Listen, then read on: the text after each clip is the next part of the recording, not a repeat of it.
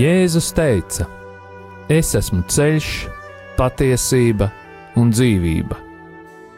Kas ir šis ceļš? Kā to atrast? Par to raidījumā Ceļš pie viņa. Raidījumu vada Normons Grasmanis.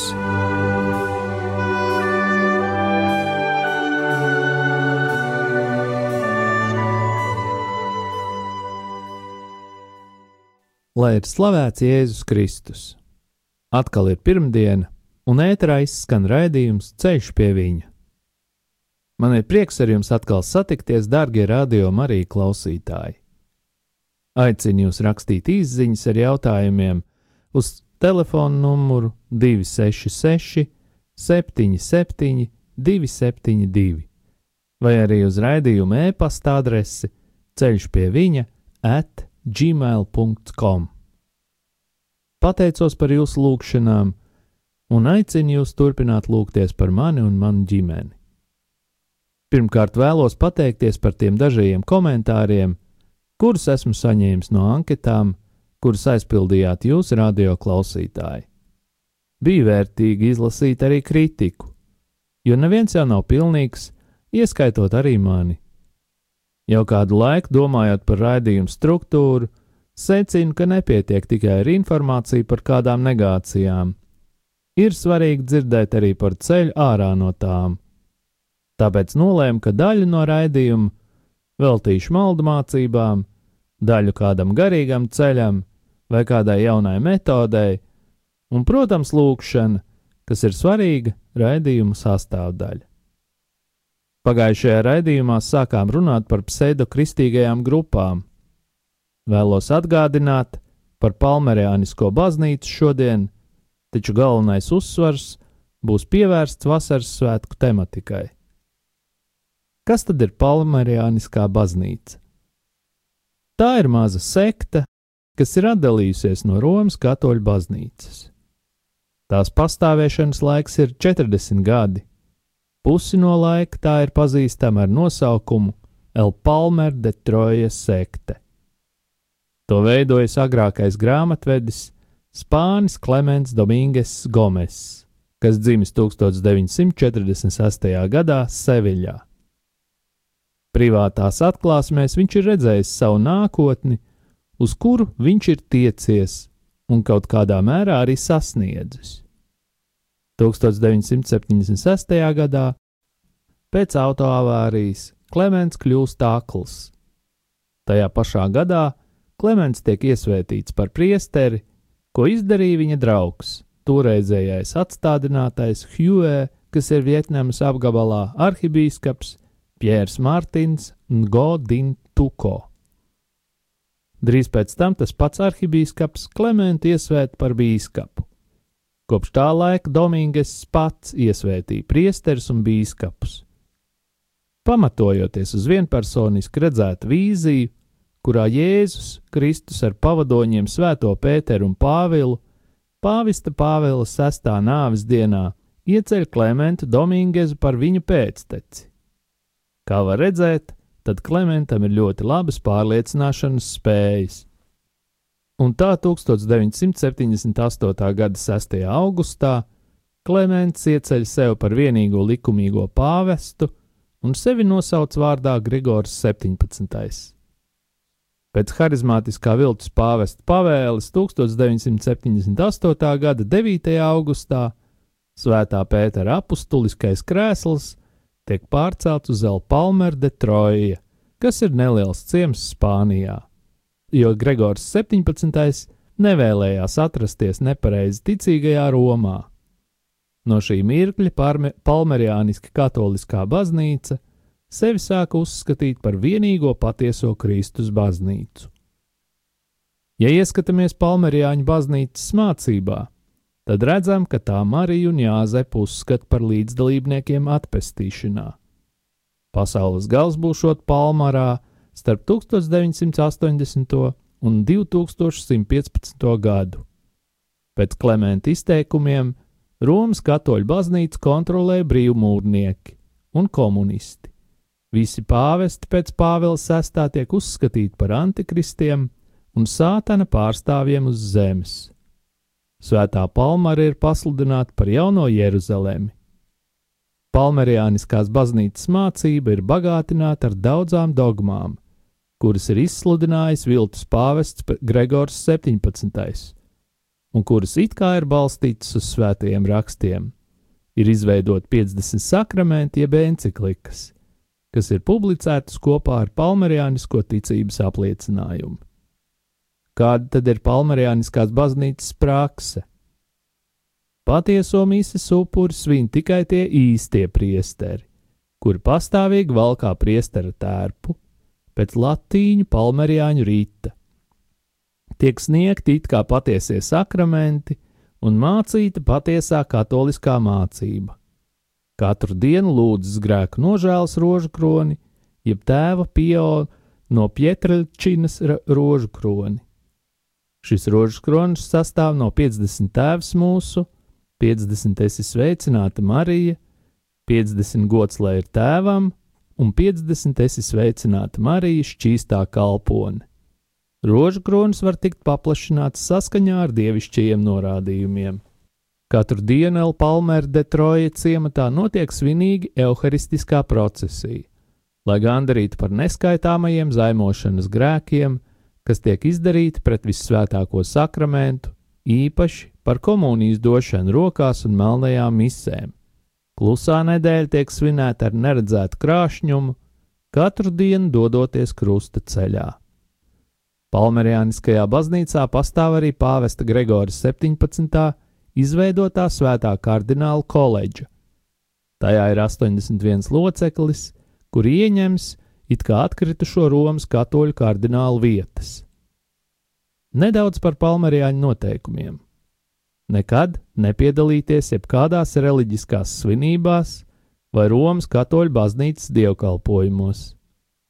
Jānēsā mīļotās kundzes, tas ir Marijas brūnais skapulārs, turklāt mazais jānēsā vienmēr, un lielais jānēsā mīses laikā, vai tad, kad liela grupa lūdzas kopā. Apģērbam jābūt neuzkrītošam, īpaši mises un lūkšanu laikā. Sievietēm jāvalkā galvas sega, svārkiem jāsniedz pāri ceļiem, piedurknēm jābūt garām, obligātas ir zeķes, bet bikses aizliegtas. Jāievēro gavēnis un atturība. Palmerijāņi ir apustuļi. Viņiem ir jāizmanto visi spēki, lai ar savu labo piemēru un vārdiem cilvēkus pasargātu no šausmīgajām briesmām, būt par Romas katoli, kā arī tos, kas nomaldījušies Romas katoļu baznīcā, vēst atpakaļ uz patieso palmeriānisko baznīcu. Palmeriāņi nepieļauj jauktas laulības. Laulības ar Romas katoļticīgo ir aizliegtas. Kristību un iestiprināšanas krustvecākiem jābūt palmeriāņiem. Nopietnas slimības gadījumā ir jāsazinās ar palmeriānisku priesteri, lai viņš varētu sniegt pēdējo svētību. Palmerijāņi nedrīkst apmeklēt Romas katoļu baznīcu vai citas sektas, jo tās ir sātana mītnes.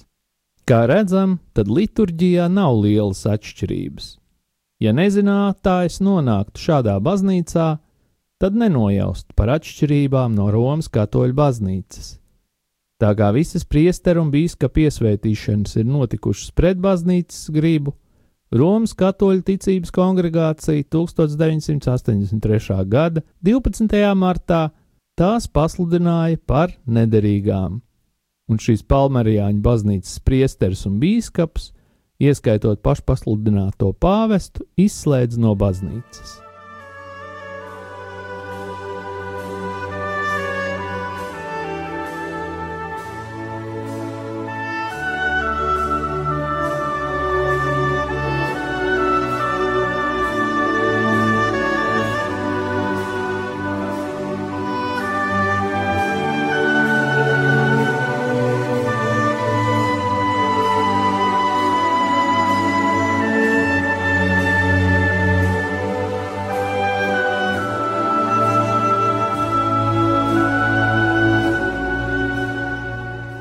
Tagad pievērsīsimies vienam no priecīgākajiem notikumiem mūsu baznīcas dzīvē. Tas ir vasaras svētkiem. Vakar tas ir noticis. Taču vai mēs esam patiesi piedzimuši? Vai esam iznākuši no baznīcas sklēpja, vai no mums izplūst mīlestība? Šis ir jautājums, par kuru runā Tomislavs Ivančičs savā grāmatā Dievs pārmaina. Tāpat kā mums katram ir mīlestības pieredze, tā mēs varam iegūt arī dieva pieredzi un satikt viņu. Ko tas nozīmē? Satikt dievu. Par to runājot, Jēzus piemin otro piedzimšanu. Jāņa evanģēlijā, trešajā nodaļā mēs varam lasīt, ko Jēzus saka Nikodēmam. Kurš nepiedzimst no jauna, tas nespēja redzēt dievu valstību, un kas nepiedzimst no ūdens un gara, tas nevar ieiet dieva valstībā. Dieva valstība ir dieva spēks pret ļauno un necilvēcisko proti pats Jēzus Kristus un viņa gars.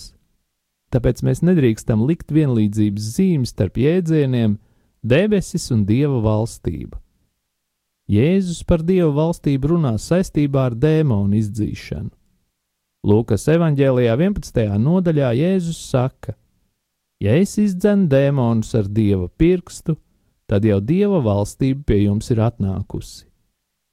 Viņa spēks pret sātanu un visu necilvēcisko tāpēc ir zīme, ka dieva valstība ir te. Jēzus runā par spēku, kuram jābūt redzamam kristiešos, un tajā ir iespējams ieiet. Ko mēs redzam Eiropā? Islams ienāk ar spēku, kurš diemžēl ir vardarbīgs, bet mums, kristiešiem, taču ir vēl lielāks spēks - Jēzus spēks kuru mēs diemžēl nemākam vai negribam izmantot. Vakar bija vasaras svētki. Tā bija tā simboliskā diena, kad apstuļi saņēma spēku, svētā gara spēku. Kādā citā raksturvietā Jēzus runā par trim dažādām dievu valstības fāzēm, un vispirms par to, kas pastāv starp mums neredzamā veidā Taču Marka evanģēlīja 9. nodaļā Jēzus runā par Dieva valstību, kas nāk ar spēku un ir redzams. Turpat tālāk viņš saka, ka daudzi no klātesošajiem nemirs, pirms nebūs redzējuši Dievu valstību ar spēku atnākam. Tā ir otrā fāze, un trešā fāze būs pasaules beigās, kad viņš nāks spēkā un visā savā godībā. Jēzus saka, ka mums jāpiedzimst no ūdens un no gara.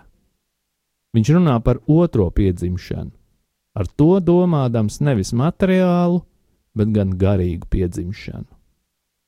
Daudz domā, ka pirmā piedzimšana ir tad, kad dzimstam no mātes klēpja, bet otrā piedzimšana - kristības. Tas nav pareizi, jo Jēzus skaidro nekodēmam, ka runa ir par garīgu piedzimšanu. Kad kāds tiek kristīts, tā ir viņa pirmā neredzamā piedzimšana, un tajā neviens nesaņem kādu īpašu spēku.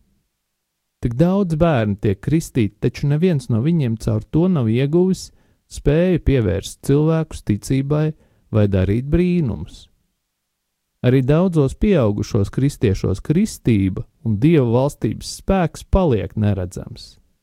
Tieši tāpēc pasaule tik skarbi vēršas pret kristiešiem, ka viņiem nav spēka.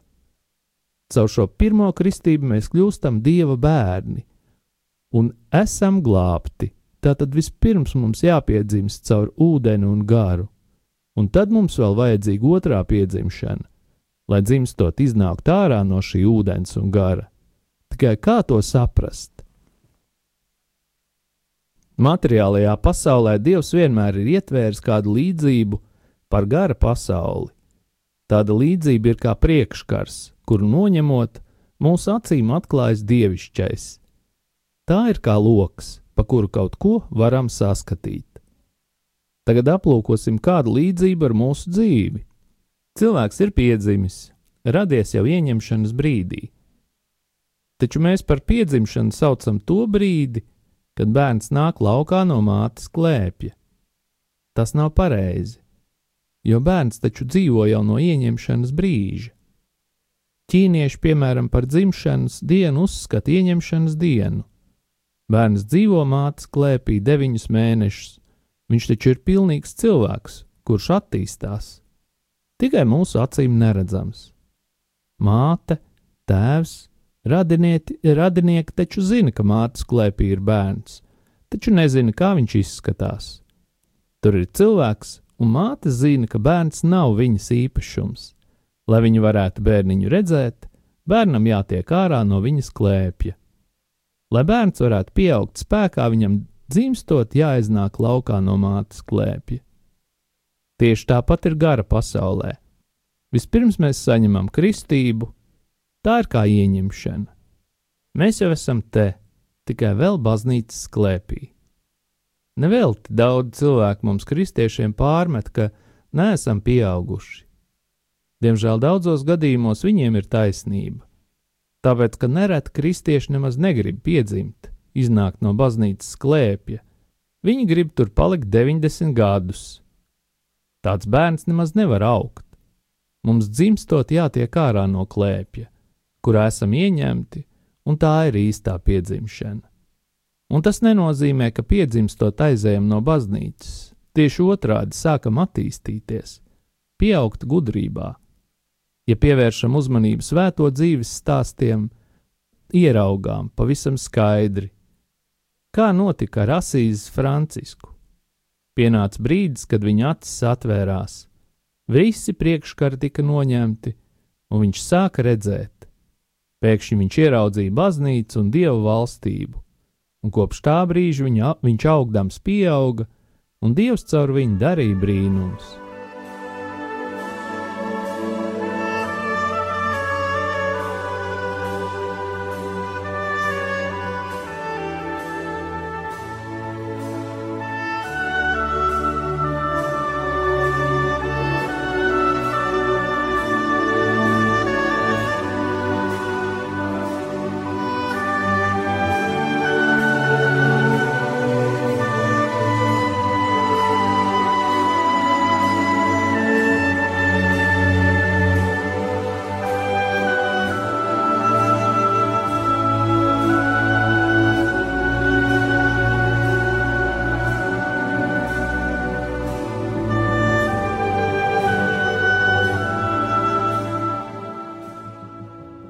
Tomislavs Ivančičs savā grāmatā liecina.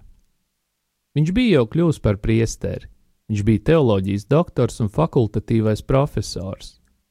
Viņš esot teicis brīnišķīgus sprediķus, vienmēr bija labi sagatavojies un kopā ar studentiem devies svētceļojumos, organizējis dažādas ekskursijas un diskusijas. Taču studentos, kur pie viņa nāca, nenotika nekādas pārmaiņas. Viņi turpināja lamāties, dzīvoja izvērtībā un iedīda, ienīda tāpat kā agrāk. Un viņš sāk uzdot sev jautājumus, kā labi viņš kļuva par priesteri, kā labi atstāja savu ģimeni, ja nespēja mainīt nevienu no šiem cilvēkiem. Vai tiešām dieva valstība atnāks tikai pēc nāves? Tomēr svēto pieredze taču apliecina ko citu. Un arī baznīcas pirmsākumos visa draudzene taču kļuva svēta un Dieva valstība pie viņiem bija redzama. Toreiz Tomislavs noskuma, jo, viņam, jo visi viņam apkārt bija Dieva bērni, taču neviens neauga ticībā un Dieva spēkā. Viņš vaicāja pats sev, kur gan baznīcā ir šis brīnumainais spēks? Kāpēc viņš nespēja palīdzēt, kad cilvēki nāca pie viņa ar savām problēmām laulībā, ģimenē vai sevī pašā? Tad viņš kopā ar studentiem sāka studēt svētos rakstus un svēto dzīves aprakstus.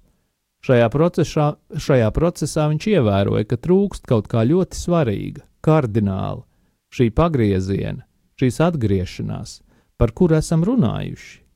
Un viņš sāka lūgties par piedzimšanu, par savu piedzimšanu. Un atgriešanās nozīmē gribēt piedzimstot, tikt ārā no savas kristības, un šī lūkšana viņam palīdzēja, jo lūkšana ir savienošanās ar Dievu. Caur lūkšanu plūst Dieva žēlstība, un tas ir svētais gars. Tā ir Dieva dāvana. Tātad viņš sāka lūgties.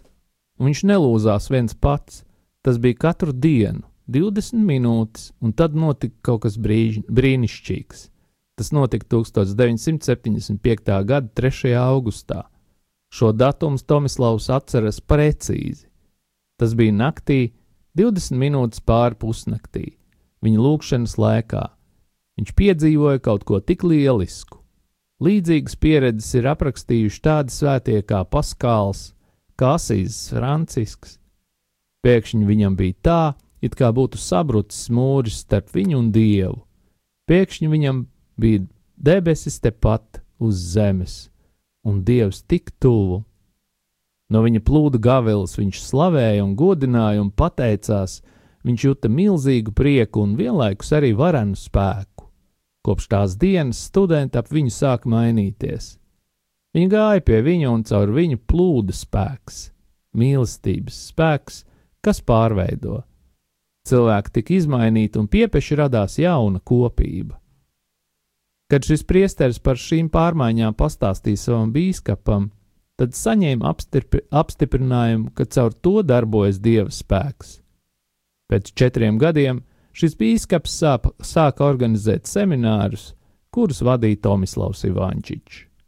Kopš tā laika tūkstošiem cilvēku ir atgriezušies pie dieva, no jauna piedzimstot katoļu baznīcā, un tā dažādās valstīs. Viņš ieraudzīja to, ka baznīca ir aizmirsusi par otro piedzimšanu, par kuru runāja Jēzus. Tāpēc arī tev, mīļais radio klausītājs, aicinu pagriezties pret Dievu un sākt lūgties. Tad otrā piedzimšana notiks. Tad tu iekšēji sāksi lēnām pieaugt. Bērns var pieaugt tikai tad, ja viņš piedzimis, ticis ārā no mātes klēpja. Tā ir šī otrā dieva valstības fāze. Trešā fāze ir mūžībā, debesīs. Varbūt tu gribi palīdzēt kādam savas ģimenes loceklim, taču sajūties bezspēcīgs. Ir jātiek piepildītam pašam ar šo dzīvības un atgriešanās spēku. Tas ir svēto garu, un tas ir iespējams katram. Un tad tu šajā spēkā vari vienkārši lūgt, un Dievs darīs brīnumus. Caur šo brīnumu cilvēki iemanto spēku pret ļauno, jo viņi piedzimst no jauna. Ja tu esi otrais piedzimst, tu spēj glābt ar savām lūgšanām jebkuru cilvēku. Ja tu mīli kādu cilvēku un viņam piedod, tu vari viņu pievērst dievam. Dažkārt tas var ilgt nedēļu, citreiz gadu vai ilgāk. Tev tikai vajag viņu mīlēt, kā māte mīl savu bērnu. Tu vari piedalīties pie jebkura cilvēka dzemdināšanas, taču vispirms jāpiedzimst tev pašam. Tas ir brīnišķīgs atklājums, ieraudzīt, ka baznīca nav tikai tas, ko mēs varam redzēt ar acīm ārējais ir tikai baznīcas miesa. Taču tā ir arī dvēsele, un tas ir Jēzus Kristus un Svētais Gars. Caur to mēs varam arvien vairāk iemīlēt baznīcu un kļūt laimīgi, jo baznīca ir Kristus līgava. Viņa ir arī māte, māte, kurai sāp. Viņai sāpēs, kamēr vien tu piedzimsi. Kāds mākslinieks, kurš pats piedzīvoja otro piedzimšanu, reiz teica tā: Pat pāvests varētu viņam pateikt, ka netic dievam, taču viņš nekad vairs ticību nezaudēšot. Tik dziļa bija kļuvusi viņa pārliecība. Taču pirms otrās piedzimšanas šis mākslinieks bija ateists.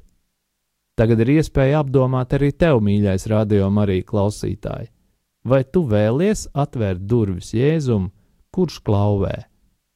Ja vēl neesi gatavs ielaist Dievu un pieņemt savu piedzimšanu, Vienkārši saki, nē, lūdzu, vēl ne, es vēl pagaidīšu. Es vēl palikšu baznīcas klēpī, taču drīz es būšu gatavs.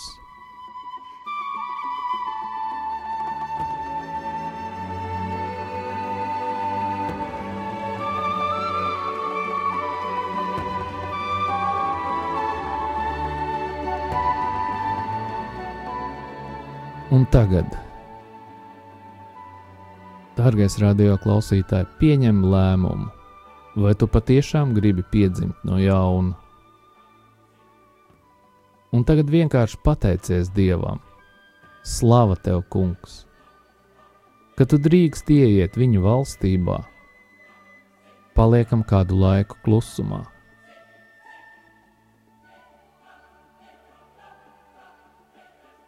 Tēvs, tagad tu vari man no jauna Tēvs, tagad tu vari mani no jauna laist pasaulē un dzemdināt.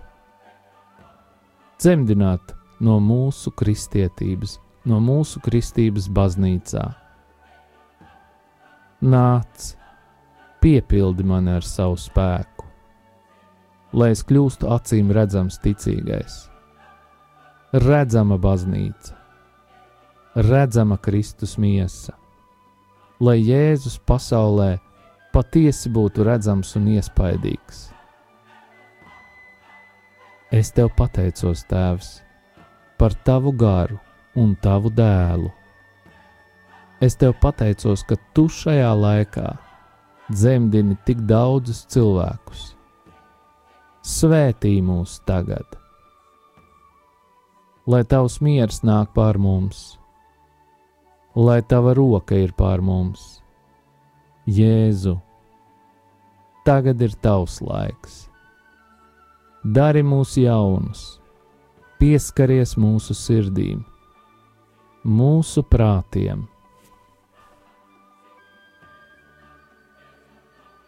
Mūsu gribai, mūsu iztēlei, pieskaries mums viscaur, radi caur mums jaunu zemi, jaunu pasauli.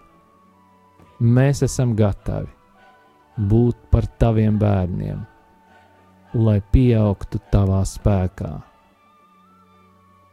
Paldies, Jēzu, ka tu atnāc pie mums un runāji ar mums šajās dienās. Paldies par tavu spēku, kas tagad ieplūst mūsos, tavi tikumi un tavi spēki. Tagad var satvert mani pilnībā. Mīlestība cerība, paļāvība, ticība, uzticēšanās, drosme, iecietība, lēnprātība, pacietība, uzticība, miers, prieks Paldies tev! Tagad es zinu,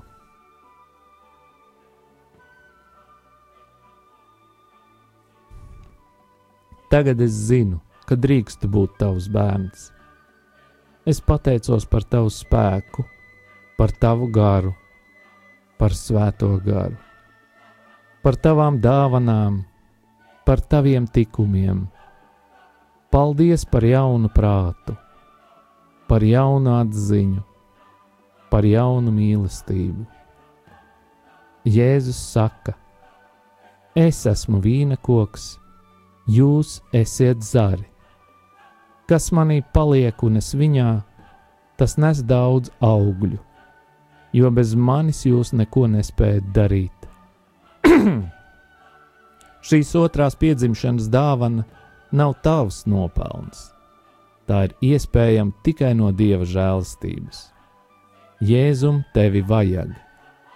Viņš ir vīna koks, un tu esi zars pie šī vīna koka.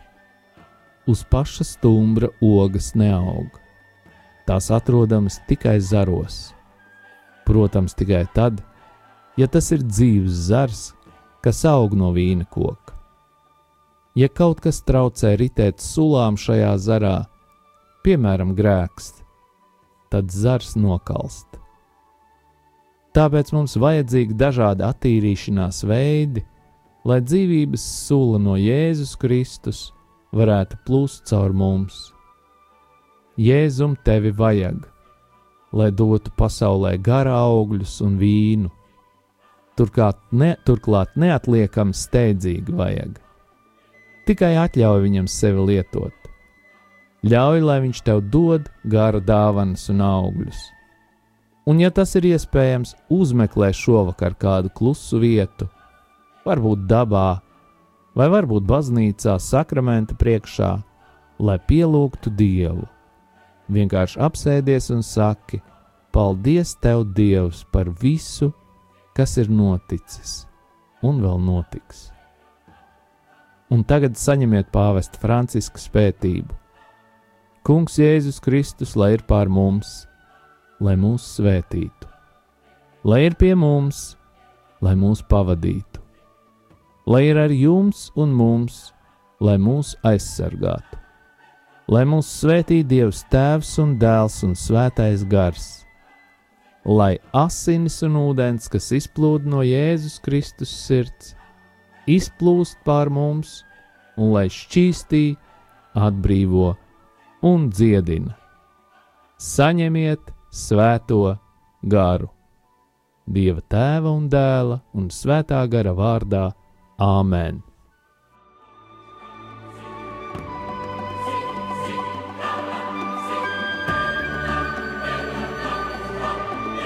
Jūs klausījāties raidījumu Ceļš pie viņa. Uz tikšanos pirmdien, 11.30.